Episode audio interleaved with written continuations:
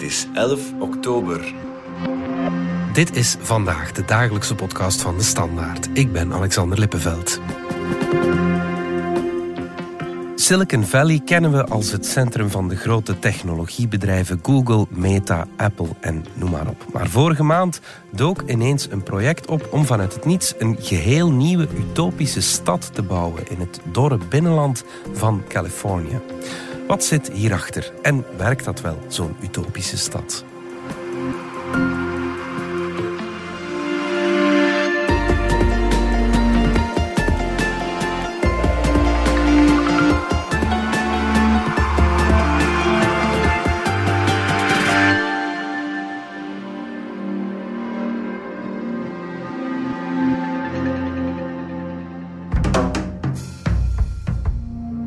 Voor we beginnen maak ik graag even reclame voor ons podcastfestival op 10 en 11 november in Oostende. Als je geboeid bent door alles wat de Verenigde Staten betreft, dan is John Ronson een van de interessantste gasten voor jou. De Britse journalist vraagt zich af in zijn podcast Things Fell Apart hoe de VS zo verdeeld raakte. Onze collega Steven de Voer, die je regelmatig hoort in DS Vandaag, interviewt Ronson. Alle info vind je op dspodcastfestival.be. En als voorsmaakje steken we de grote plas al even over naar Californië. California, California, here we come. It is bold, it is massive. Those words, those are the words people are using to describe plans to build a utopian city in the North Bay. Speculations began running wild. Was it the Chinese buying up all the land around our strategic Air Force base? Or was Disney buying the land to add a new theme park in Northern California? Newly released renderings depict a community with walkable neighborhoods, shopping, dining, renewable energy, and open space. It's a big project. Um, it's in an important location. Who are the main players? Tech and venture capitalist gazillionaires like Michael Moore, chairman of Crankstart, Reid Hoffman, the co founder of LinkedIn and a huge investor in ChatGPT, Mark Anderson, who has a bunch of tech startups under his belt. We have no interest in building some kind of crazy utopia. This is not going to be the vision of some star architect. It's not going to be an experiment. California, California. I listened to a fellow that is one of the very best salesmen I've ever run into. We'll see what he's actually selling.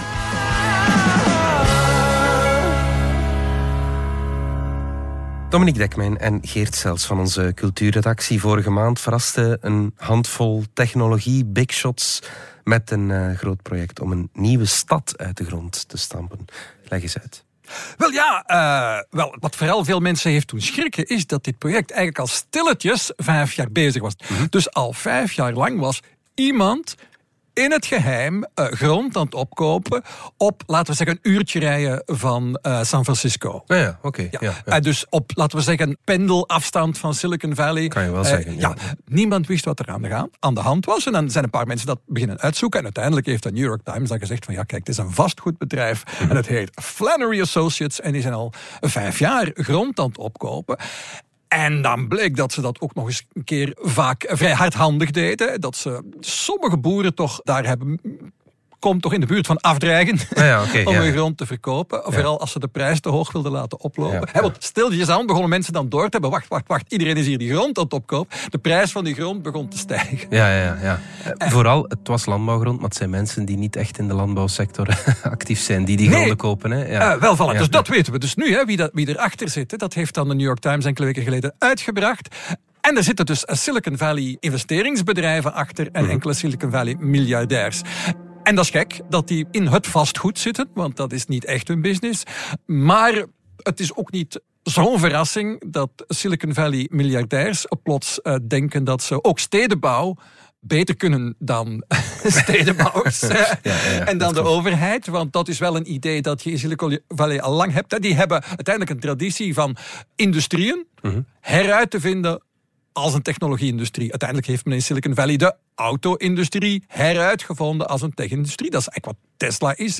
Men heeft de handel, supermarkten, heruitgevonden als een tech-industrie. Amazon. Amazon, ja. Dus dat is wel wat zij doen. TV kijken natuurlijk. eh, Ja, precies. Ja, ja, ja. Dus een industrie die nieuw is voor hen, heruitvinden en er een technologiemarkt van maken en te denken dat ze dan alles gaan. En dan komt dat woord to disrupt. Hè. ja. De Eh, disruptieve disruptieve, eh, en dat is dus wat het is. Het disruptieve idee. We gaan een nieuwe stad bouwen op een uur rijden van San Francisco. Als ik denk aan Silicon Valley, eh, big shots die een stad willen bouwen, dan zie ik iets heel futuristisch eh, voor mij met zwevende treinen en veel hoogbouw. Wordt het dat ook? eh, Ja, wel, toen die geruchten eerst bekend werden, dat eigenlijk Silicon Valley daar een stad wilde bouwen, dan begon men inderdaad aan te denken aan zoiets Jetsons-achtige, superfuturistische stad. Blijkt het helemaal niet zo te zijn. Dus je ziet, dat hebben ze op die website California Forever, die dus onlangs eh, online is verschenen, staan allemaal eh, beeldjes van wat mij direct deed denken aan ja, een soort Middellandse Zee dorpje eigenlijk, meer dan een stad. En als je dan de teksten erbij leest, is dat ook een beetje wat ze proberen op te roepen. Dus we gaan iets maken dat zo helemaal, ja, landelijk is zelfs het woord niet, enfin ja, een vredig mediterraan dorpje. Ja, klopt inderdaad. hè. Dus die CEO van eh, dat grote project, eh, Jan Schramek, dat is iemand die zijn jeugd doorgebracht heeft in Europa. En hij gebruikt eigenlijk verschillende Europese steden als model. Hè, Hij noemt daar Zwitserse steden, hij noemt Parijs. Het is ook niet voor niks dat hij nu plots met dat idee komt van de walkable city. Eh, een paar jaar geleden heeft Anne Hidalgo, de burgemeester van, Van Parijs, Parijs, die is naar voren gekomen met het idee van eh, de wandelbare stad. De stad in 15 minuten, waar je Ja. alles in wandelafstand, alle voorzieningen hebt, waarbij je met openbaar vervoer werkt, of liefst te voet of met de fiets. Alles heel, heel nabij. En dat is het project dat hem voor ogen staat. Vandaar allemaal laagbouw, eh, heel veel open plekjes, pleintjes. Eh, Ja. Heel veel voorzieningen. Op elk prentje staat wel ergens een terras waar mensen leuk zitten te winen en dinen. Ja. Dus het is zeker niet de bedoeling om daar gaan te werken. Het is een plek om gaan te genieten na het werk, denk ik. Dan denk ik dat het een verschrikkelijk dure stad om te wonen wordt. Terwijl het daar in die, in die buurt al heel duur is. Of, eh, of- Ten eerste, er zijn geen details. Hè, dus Ja. eh, ze laten het aan de fantasie van de mensen over om het in te vullen naar hun eigen droom. Maar ze zeggen wel een paar van die verplichte dingen, zoals er zullen goedkope en dure woningen zijn. Je zult daar een appartementje kunnen hebben, maar ook eh, een dikke villa. Er is plaats voor iedereen. Er zal werk zijn, er zullen scholen zijn, er zal cultuur zijn. Waar precies dat dan precies ligt op dat grondplan, eh, dat weten we niet, want er is geen grondplan. Hoewel het eigenlijk wordt voorgesteld als we hebben een plan. We gaan deze droomstad bouwen en het zal alles zijn wat u zich inbeeldt. maar we hebben geen details. Die komen later wel. We moeten dat allemaal nog uittekenen in overleg met de bevolking, heet dat dan.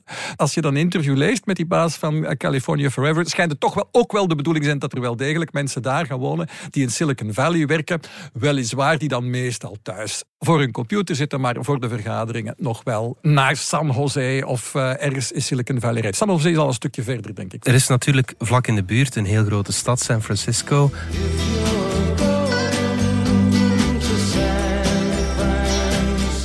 Dat lijkt zo wat een soort van hippie droomstad voor vele mensen.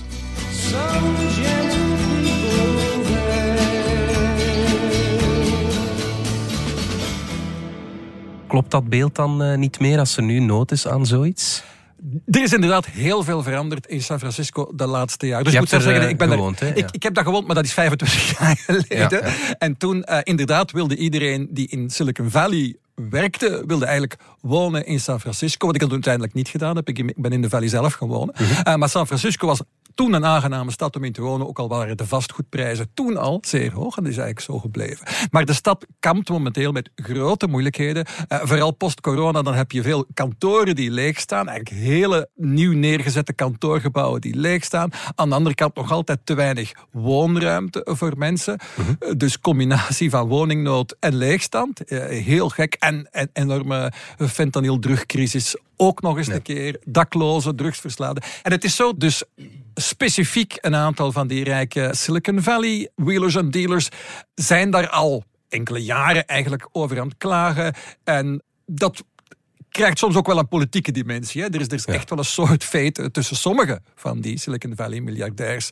En dus het is geen toeval, denk ik, dat wat ze daar uittekenen, hun droomstad op een uurtje rijden van San Francisco, dat dat wordt voorgesteld als het exacte tegendeel van hoe zij San Francisco zijn gaan zien. Dus een vredig dorpje versus dus de woestenij van een, uh, ja, ja. Van een door drugs en armoede uh, platgeslagen stad. Ja. Ik ben er vier jaar geleden nog geweest, vlak voor corona in San Francisco. En om terug te komen op uh, die hippiestad een stad groeit hè, en, en, een stad uh, krijgt nieuwe wijken. Mhm. En eigenlijk kun je nu in San Francisco naar die hippiebuurt gaan zoals een bijna toeristische attractie in New York naar Chinatown gaat. Ja, dus het is, ja, ja. het is gewoon een, een deeltje daarvan. Dus, dus natuurlijk zijn er nog heel wat uh, van die mensen blijven hangen en is er ook wel ja, die tolerantie. Wat je nog wel hebt dan, dat is dat uh, in vergelijking met bijvoorbeeld Los Angeles, waar je echt die gigantische city sprawl gehad hebt, die stad die maar blijft uitdijen en die maar niet in te dammen is. Mm -hmm dat in vergelijking daarmee San Francisco veel geconcentreerder is, veel gebalder en veel denser. Ja, dat is uh, geografisch ook natuurlijk. Uh, ja, voilà, voilà. Ligt maar, aan die maar baai. wat ook geweldig is aan San Francisco, dat is dat heel die oude havenbuurt met die pakhuizen, dat die op een heel knappe manier herbestemd zijn. En dat zijn eigenlijk, ja, zoals wij hier in Antwerpen het eilandje hebben en daar herbestemmingen zoeken en dat opnieuw dynamiseren. Mm -hmm. Zo is dat eigenlijk een heel hippe buurt geworden. Het is ja. een heel prettige buurt met laagbouw. Twee verdiepingen, drie verdiepingen, vier verdiepingen, oude pakhuizen, ruwe gebouwen. Uh, maar heel, heel veel prettige etablissementjes om naartoe te gaan. Een, een voorbeeld van herbestemming, zeg ja, maar. Echt ja. belangrijk punt erbij is, is effectief dat uh, San Francisco niet vol staat. En zeker meer ten zuiden van de stad uh, Silicon Valley staat echt niet vol. Hè. Dus hmm. het is niet zo dat je daar gewoon geen ruimte hebt om bij te bouwen. Integendeel, en dat is wat critici nu zeggen, is waarom als ze nu al dat geld, hè, want die mensen hebben ondertussen bijna een miljard dollar uitgegeven aan een gigantisch uh, groot stuk grond rond die uh, luchtmachtbasis een uur verder. Mm -hmm. Maar als ze dat geld nu eens een keer in San Francisco of in de kleinere steden daaronder hadden gestoken, dan was heel die woonproblematiek eigenlijk misschien wel opgelost, zeggen critici dan. Now, radio arrived in fictional California. We're gonna bring it on again, bring it on to you. California Forever begint dus helemaal van vooraf aan, een nieuwe lei. Waarom? Wel, er zijn heel veel verschillende dingen die een rol zouden kunnen spelen en lijken te spelen. Gaat het voor een stuk ook over ja, politiek, eventjes laten zien. Wij kunnen dat beter dan die... Uh, en dan snel gaat het al over republikeinen versus democraten. Ja. Hè. Uh, Californië is overwegend democratisch. Uh, San Francisco is overwegend democratisch. Daar zitten wel bij die financiers wel wat republikeinen bij. Die denken van, wij kunnen het allemaal veel beter. Er is sprake geweest, alhoewel dat je dat op die website nu niet ziet, van ook experimenten met governance, met hoe beheer je een stad. Dus het is niet alleen, we kunnen beter een stad bouwen dan, uh, dan die democraten, die het hier voor het zeggen hebben, maar we kunnen misschien ook die stad wel beter leiden op een slimmere manier. En dan vraag je altijd af, is dat wel zo? En kunnen ze dat echt wel? En zullen ze niet nog wat problemen tegenhouden? Daar staat natuurlijk ook tegenover dat ze dan voor hun nieuwe droomstad die ze aan het bouwen zijn, en waarvoor ze dus landbouwgrond willen omzetten in veel, veel duurdere bouwgrond, wat een mooi stuk vastgoedspeculatie is, dat zij wel rekenen op de overheid om die te ontsluiten, want er ligt dus een snelweg in, in, in slechte staat. -hmm. En er ligt ook bijvoorbeeld ook een waterleiding in, een, een aquaduct in slechte staat. En zij zeggen dus niet op hun website heel voorzichtig, zijn heel voorzichtig om niet te suggereren dat ze daar ook maar iets aan gaan doen of ja, maar een okay. cent in gaan steken ja. in het verbeteren van die infrastructuur. Want dat zal nodig zijn, infrastructuurwerken. Over welke schaal spreken we ongeveer? Ja, dus de cijfers die je ziet, dan spreken ze maar over enkele tienduizenden. Maar ze hebben dan wel 200 vierkante kilometer gekocht. Dus dat klopt inderdaad iets niet. Straks kijken we naar hoe je een nagelnieuwe stad uit de grond kan stampen, maar eerst gaan we er even uit voor reclame. Stop. Wie zit er nog met vragen? Vragen als elektrisch laden, hoe doe ik dat eenvoudig? Slim? Voordelig? Ontdek al onze laadoplossingen op maat. Want bij Engie willen we dat iedereen mee is. Engie, al onze energie gaat naar jou.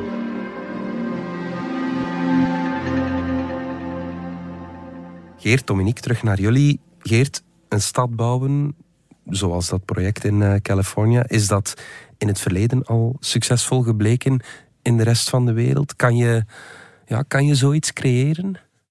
Ja, dat kan, hè. dat is meermaals gebeurd. Heel vaak is uh, een argument de bevolkingsaangroei. Mhm.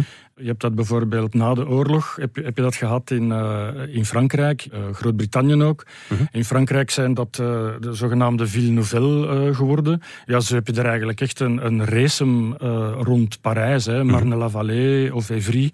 Dat zijn allemaal van die ja, spillover steden ja, nu zelfs recent in Groot-Brittannië, in, in het graafschap Kent, heb je er ze nog vier. Ja. Maar eigenlijk zijn dat bijna ja, overloop satellietsteden van de stad zelf, hè, Ja. omdat de stad vol zit en omdat ze daar een halt willen aan uh, toeroepen. Nu, is dat dan gelukt? Wel, wat die Parijse steden betreft, of die voorsteden, dan wordt er toch wel heel dikwijls gezegd dat dat een soort van ghetto's uh, geworden zijn. Mhm, Uh, wat je nog hebt, dat is bijvoorbeeld dat je daar een of andere verlichte politieke figuur hebt, die zegt van we gaan nu een nieuwe hoofdstad maken. En dat hebben ze bijvoorbeeld gedaan in Noord-Indië in de jaren 50. Dan hebben ze Le Corbusier gevraagd, de grote modernistische architect. En die heeft daar eigenlijk echt uh, ja, volledig van, van op plan een nieuwe stad, Chandigarh, gebouwd. Bijna vergelijkbaar. Iemand die een groot bewonderaar was van Le Corbusier, dat was Oscar Niemeyer, die heeft dan in Brazilië Brasilia gemaakt. Ja, ja, Dus natuurlijk, ja. Eigenlijk ook vergelijkbaar met wat er nu in Californië kan gaan gebeuren. Echt op een plek, een stuk savanne, die, die echt vrij onvruchtbaar was. Wat heb je dan daar? Heb je van die heel grote structuren, van die heel duidelijke grondplannen, brede boulevards, op tactische plekken grote voorzieningen ingepland, culturele voorzieningen, een, een paleis, uh, ja, you name it.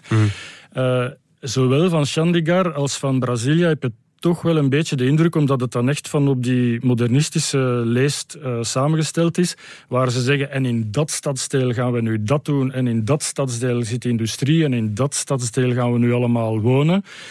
Omdat het eigenlijk zo bedacht is, is het toch een beetje koud en, en, Ja. en kiel. Zo, Ja, van, zo wat eh, gemaakt het- het, waarschijnlijk, ja, ja. voilà. Ja, ja. Dus eh, ja, je zou wel kunnen zeggen dat eh, ja, de beste steden, dat dat eigenlijk de steden zijn die in de loop van honderden jaren ontstaan zijn, Ja. vorm gekregen hebben.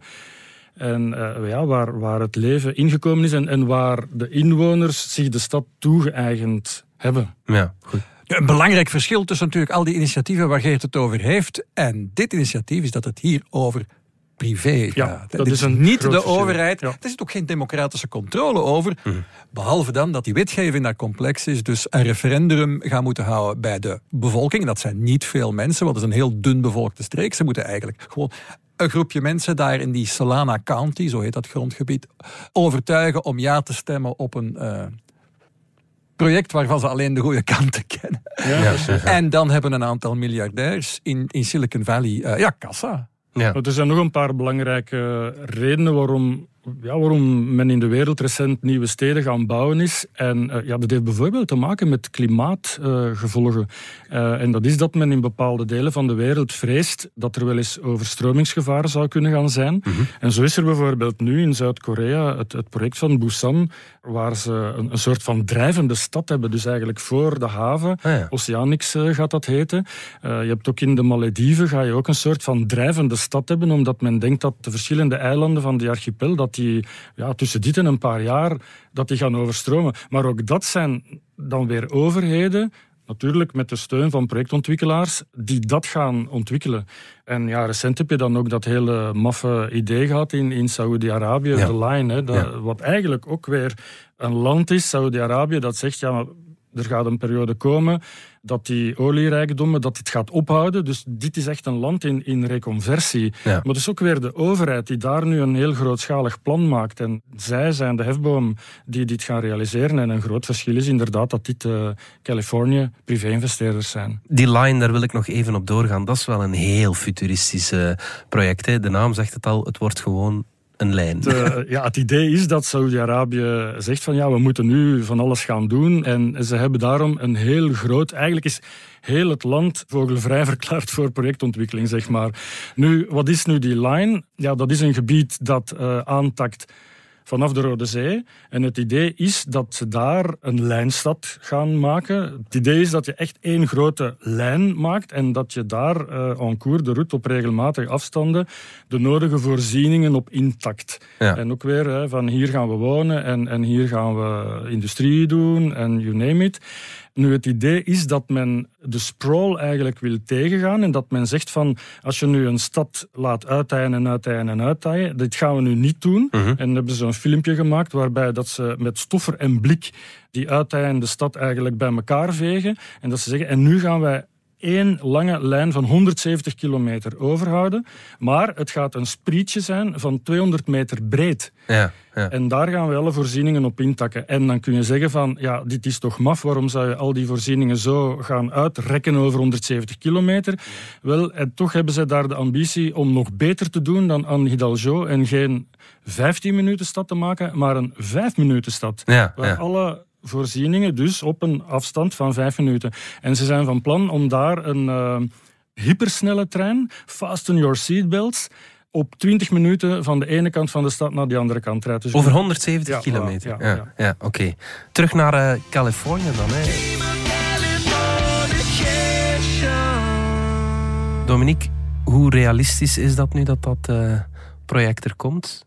Uh, wel, ten eerste gaan ze flink wat tegenstand hebben. Hè. Dus de democratische politici voelen zich op de tenen getrapt en voelen zich eigenlijk wel aangevallen. dus de democratische politici zetten nu hun hakken in het zand.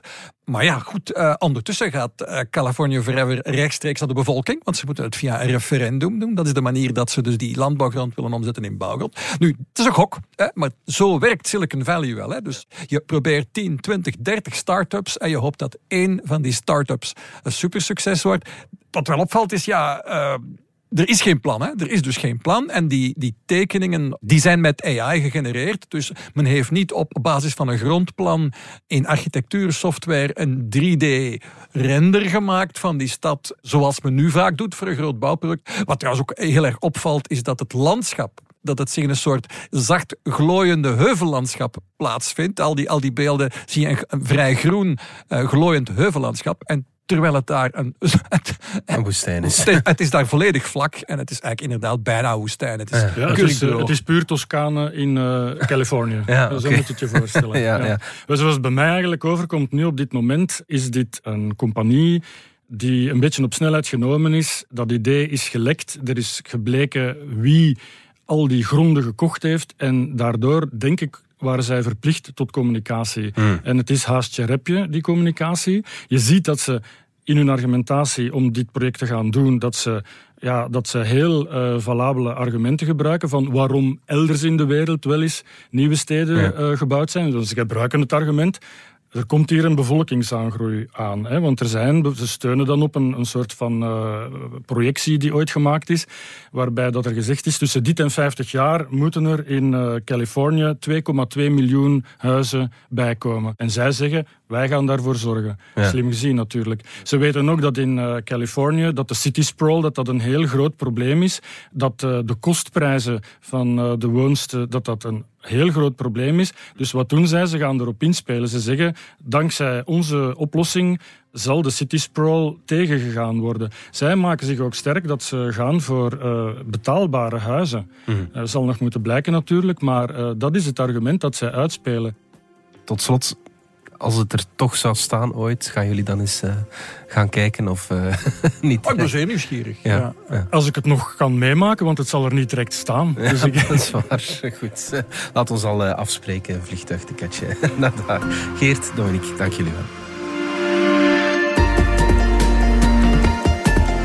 Dit was vandaag de dagelijkse podcast van de Standaard. Bedankt voor het luisteren. Volg ons op Spotify, Apple Podcast of eender welk ander podcastplatform.